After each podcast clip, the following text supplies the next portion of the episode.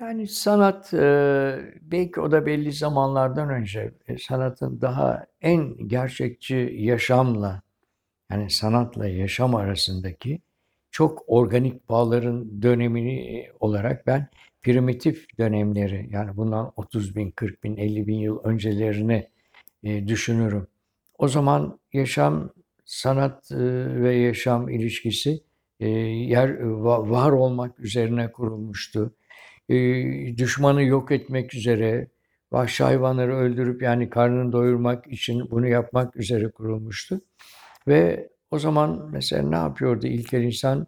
Şeylerin üzerine, savaş aletinin üzerine kendi klanının, kendi totemin işaretini koyuyordu. Ona daha savaşçı güç veriyordu. Ya da komşusuna, birisine kızdığı zaman onun ona benzeyen tahtadan bir heykel yapıp üzerine çiviler çakıyor, ruhu acı içinde kalsın. Daha ileri zamanlarda primitif sanatın daha ileriki, daha yavaş yavaş, daha uygar toplum dediğimiz zamana geçtiğinde mesela bal mumundan bir heykelini yapıyor onun. Heykeline benzeyen bir şey. Ateşe atıyor, işte ruhu da acı duysun diye.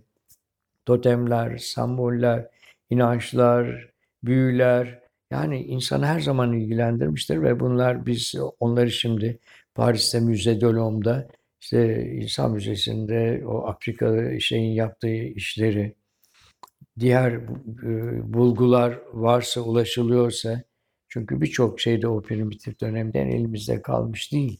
Mesela en eski eser de bir Willandröf Venüsü'dür. 35.000 yıl önceye ait taş heykel dayandığı için.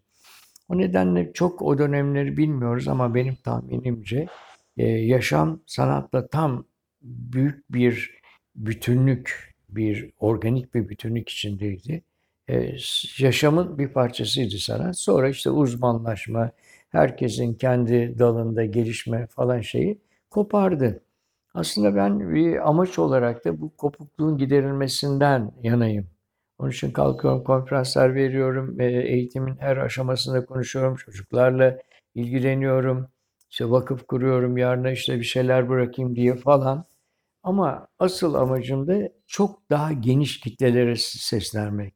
Kitlelere seslenmenin bir yolu değişik tekniklerle mesela özgün baskı, bir sanat eserinin çoğalarak ulaşması gibi ya da büyük resim yapmak, önünde işte binlerce kişinin onu seyretmesi gibi ya da işte bu Dolmabahçe projesinde olduğu gibi kentin en uğrak yerlerinde sizin eserinizle karşılaşması gibi ya da sizden sonra bir müzenin olup orada insanların sizi tanıması gibi.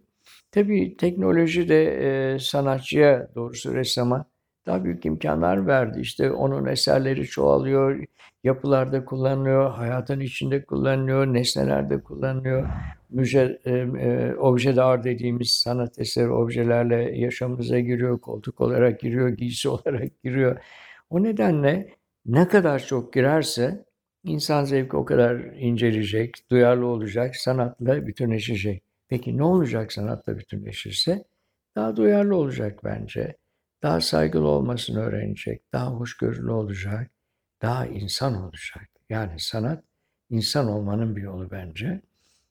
İnsan olursa da savaşlar olmayacak, insanlar birbirini öldürmeyecek, kadınlar öldürmeyecek ve daha uygar bir toplum olacak. Eee, belki de insanlık hiçbir zaman savaştan uzak kalmadı ama belki sanat, eee, barış için, insanca yaşamak için insanlığın tek umudu. O yüzden de sanat daha çok olsun istiyorum.